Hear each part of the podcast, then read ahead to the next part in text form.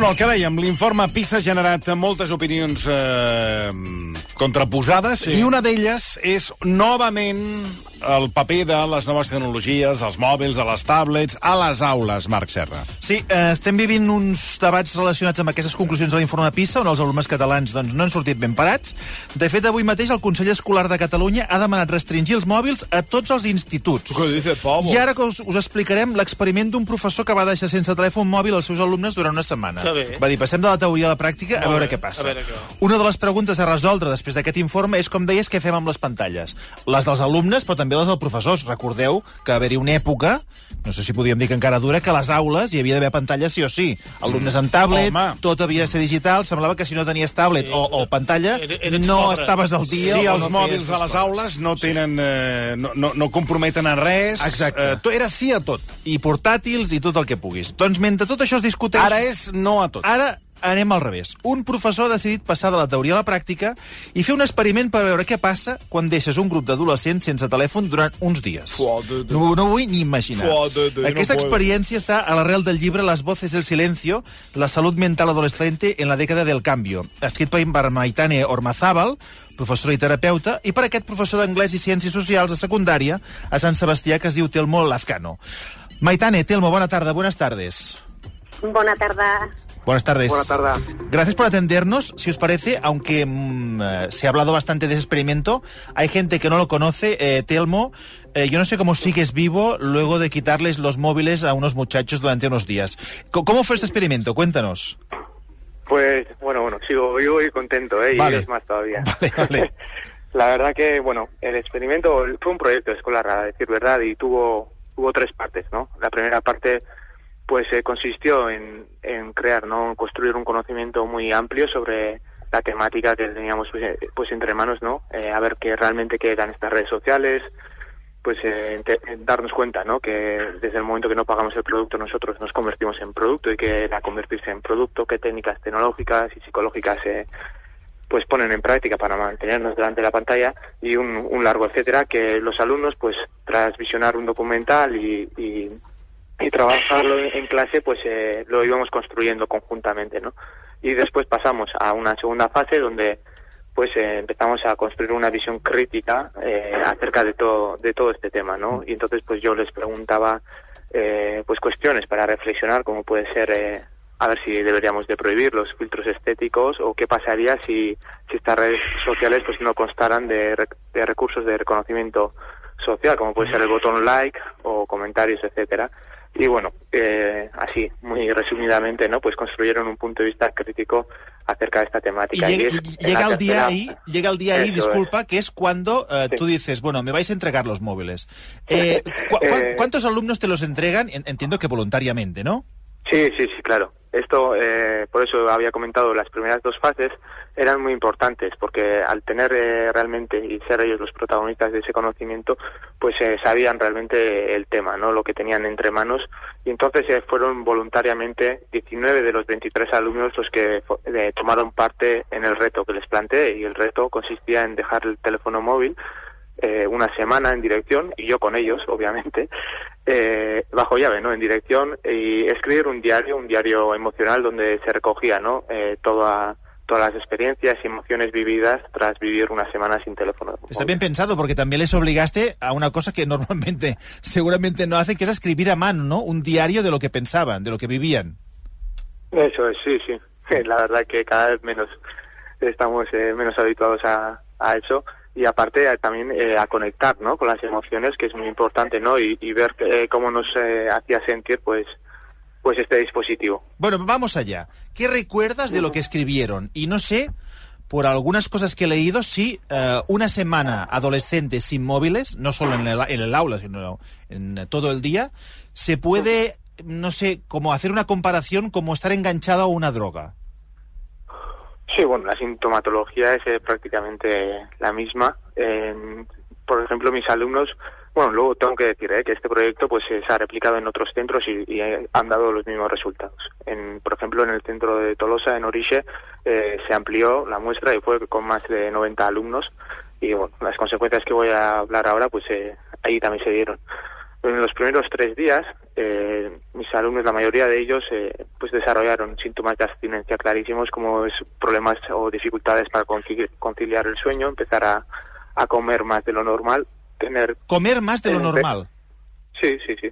Eh, pues las palabras de una alumna era pues que empezaba a abrir las puertas de los armarios de la cocina a buscar galletas y al frigorífico porque pues bueno entre otras cosas pues tampoco sabía lidiar con el aburrimiento tenían pequeños eh, ataques de ansiedad y, pensamientos intrusivos no esas serían un poco eh, pensamientos la sintomatología más clara. Es increíble. Pensamientos intrusivos de qué tipos pues bueno eh, al final eh, lo que tenemos que tener en cuenta es que, que cuando, cuando creamos nuestro, nuestra capacidad creativa, ¿no? Cuando la, la fomentamos pues cuando estamos aburridos. Y pues estos chavales y muchos de nosotros pues no a día de hoy pues nunca estamos aburridos porque siempre tenemos una solución inmediata a ese a ese aburrimiento que es el, teléfono móvil. Entonces cuando estos chavales no tenían esa, esa escapada no ese escape esa vía escape pues eh, empezaban pues a, a tener pensamientos de, del tipo de que bueno eh, que antes no se, no se estaban haciendo, ¿no?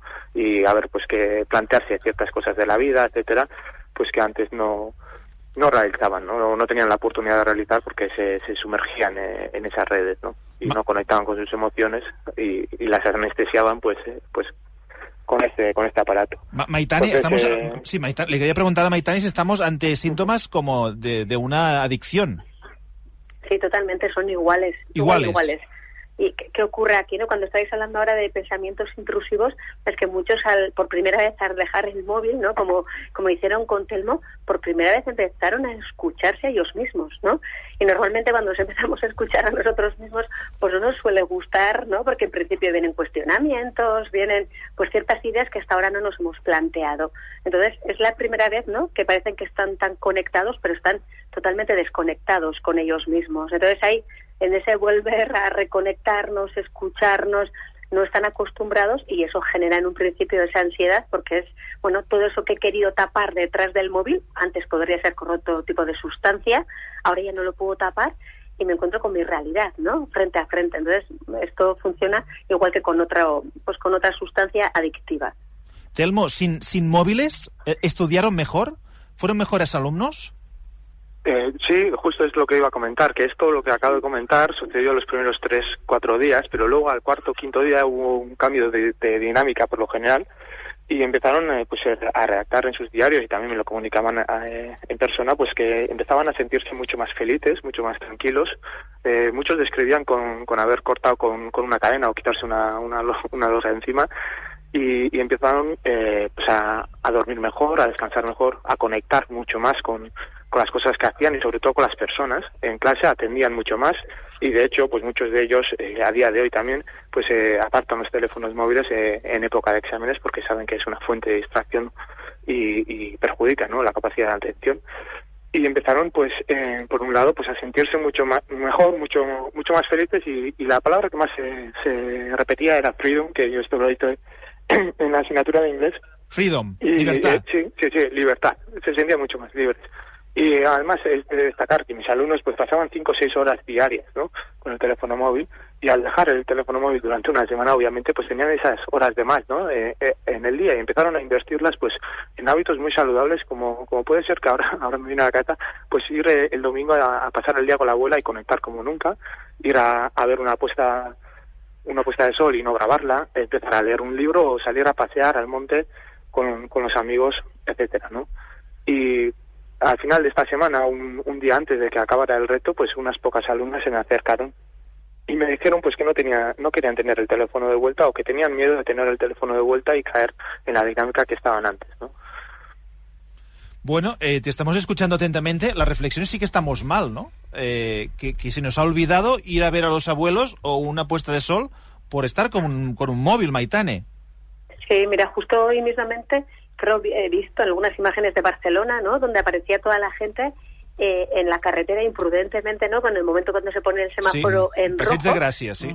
Sí, sí, y todos en la mitad de la carretera sacándose fotos y es como, en vez de estar disfrutando de ese paseo de lo contemplativo, ¿no? Del estar, pues no sabemos estar y estamos totalmente conectados a algo que nos está generando una sobreinformación que eso nos eh, genera muchísima ansiedad, ¿no? Necesitamos todo el rato como llenarnos de algo en vez de, pues, eh, muchísimas veces estar como en ese en ese vacío que puede dar un ser humano. Entonces, eh, nos escondemos detrás del móvil y es verdad que hoy en día tenemos un gran problema porque ha sido como un chupete emocional para nuestros jóvenes y ahora eso trae sus consecuencias, que en el momento que se quita el chupete, pues lo pasan realmente mal. Entonces ahí eh, para nosotros es muy importante poder ofrecerles herramientas emocionales para que ese vacío no no lo sostenga un móvil y lo sostenga pues las amistades, el entorno, ¿no? la vida misma. Pero ahora nos desconectamos de la vida, nos eh, conectamos a otra paralela que no tiene nada que ver con la vida real y eso es tremendamente peligroso. Bueno, y el, ejemplo de los adultos en casa. Hmm. Totalmente, totalmente. Es que de ahí comienza todo, ¿no? Ellos, eh, ahí sería la pregunta, ¿no? Si ellos son eh, un poco como el reflejo de dónde está la sociedad hoy en día, ¿no? Porque se está poniendo mucho enfoque en los jóvenes, mirar los jóvenes, y dónde estamos nosotros como sociedad para que nuestros jóvenes estén así, ¿no? Ahí tiene que darse un poco esa pregunta, hay que darle una vuelta y recapitular y recapacitar dónde hemos estado y dónde estamos nosotros. Telmo, volviendo a las aulas, eh, los países que más han invertido en digitalización, los países que más han invertido en digitalización, ¿han conseguido mejores o peores resultados? Bueno, si nos atendemos al informe PISA de 2015 hay un gráfico muy muy interesante y que justo habla de lo que estás comentando. Y por ejemplo en matemáticas, eh, pues eh, los que más han invertido en digitalización han, obtuvieron eh, los peores resultados. ¿no? al contrario de, lo que, de lo que parecería el sentido común últimamente, ¿no? Que más pantalla, más, más rendimiento. Me estás diciendo que no. Sí, dicen que el sentido común es el menos común de los sentidos. A veces suele ser así la digitalización hay que racionalizarla. Eh, estos últimos años, esta última década, ha habido un frenesí digital y ha respondido a lo que tú has comentado. Eh, que las pantallas, porque sean pantallas, eh, dan mejor resultado y eso no es así. El uso de la tecnología tiene que responder a las capacidades evolutivas de la persona y no a otros intereses o, requerimientos emocionales, ¿no? Y cuando esto no, no sucede así, pues en la tecnología, en vez de enriquecer, pues eh, va, a entorpecer, Y esto es eh, lo que pasa y lo que ha estado pasando en, educación y se denomina esto eh, a nivel académico pues como, como efecto efecto Mateo, ¿no? pones un ejemplo que es el, ejemplo de la calculadora para entender la relación entre pantallas y alumnos. ¿Nos lo puedes contar? Sí, sí, tranquilamente. Efecto Mateo viene el nombre del Evangelio y bueno viene a decir que que el que más tiene, al que más tiene, más se le dará y al que menos tiene, lo poco que tiene se le quitará. Y, eso aplicado a la educación y la tecnología se entiende de la, de la siguiente manera, ¿no? Al final, eh, vamos a decir que un, sujeto, una persona, si tiene capacidades eh, bien asentadas, es, tiene las competencias eh, necesarias, eh, vamos a decir, de manera sólida, pues el uso de la tecnología pues le va a favorecer y le va a enriquecer mucho su quehacer. O sea, si, tiene una base, la tecnología le va a favorecer, para entender. Eso es, eso es, pero si no tiene esas competencias básicas, pues le va a entorpecer. Y esto, pues con dos ejemplos lo vamos a entender mucho mejor. Por ejemplo, pues a un matemático, como tú has dicho, la calculadora, le va a favorecer increíble en, su, en su quehacer diario, ¿no? Pero, en cambio, a una persona que no sabe sumar y restar, pues el uso de la calculadora le va a crear dos consecuencias. Uno, una dependencia muy grande hacia esta tecnología y, segundo, pues le va a entorpecer adquirir conocimientos básicos de, matemáticas, ¿no? Y lo mismo pasa, por ejemplo, pues si, si vamos a, a los Chromebooks o a los portátiles. Eh, a un periodista le va a servir, eh, va a ser muy útil, ¿no? Para un periodista, pues eh, el hacer uso de estos portátiles, pues para crear textos, escribir más rápidamente, etcétera. Pero una persona que no sabe pues escribir con una caligrafía legible o, sin eh, perdón con una caligrafía legible o una ortografía decente pues el uso de, estos portátiles pues eh, le va a entorpecer el, desarrollo de, creación de textos eh, etcétera no de escritura etcétera. Entonces lo que lo que te estoy diciendo con esto es que si una vez que tenemos esas competencias pues afianzadas no sólidamente pues el uso de la tecnología de manera racional pues puede beneficiar y beneficiará de manera notoria. Pero si en cambio estamos poniendo eh, tecnología en personas donde todavía, y estoy hablando por ejemplo en, el, en primaria, donde las competencias todavía no están eh, afianzadas sólidamente, pues eh, lo que va a ocurrir es, por un lado, que se va a depender mucho de estas tecnologías y por otro, pues estas personas no van a desarrollar esas, capacidades esenciales, ¿no? Pues queda clarísimo. Uh, Maitane Telmo, muchísimas gracias por atendernos. Uh, que el próximo experimento no sea de tanto riesgo. Muchas gràcies. Un abrazo, gràcies. Uh, tot el que m'ha explicat ho podeu llegir un llibre que es diu Les voces del silencio, la salud mental adolescente en la dècada del cambio. L'informe PISA, que ens explicava el Telmo, el 2015 ja advertia que uh, un ús desmesurat de la tecnologia no portaria més resultats. 2023 tenim Doncs ara un dia eh, l'exercici que hauríem de fer és, eh, allò que ens agrada tant aquí al programa, és fer una mica de, de meroteca i començar a recollir tots els arguments, tots els, eh, els pedagogs, els especialistes en diferents matèries que defensaven el, el contrari, que era molt Més interessant tecnologia. i que havia arribat el moment de la tecnologia i que la tecnologia havia de ser havia d'anar lligada a l'educació i al món de les aules. Aprende mucho más en TikTok que no lo Sí, que hombre, todavía. no, sí, claro, por supuesto. Ojo. Son las 5.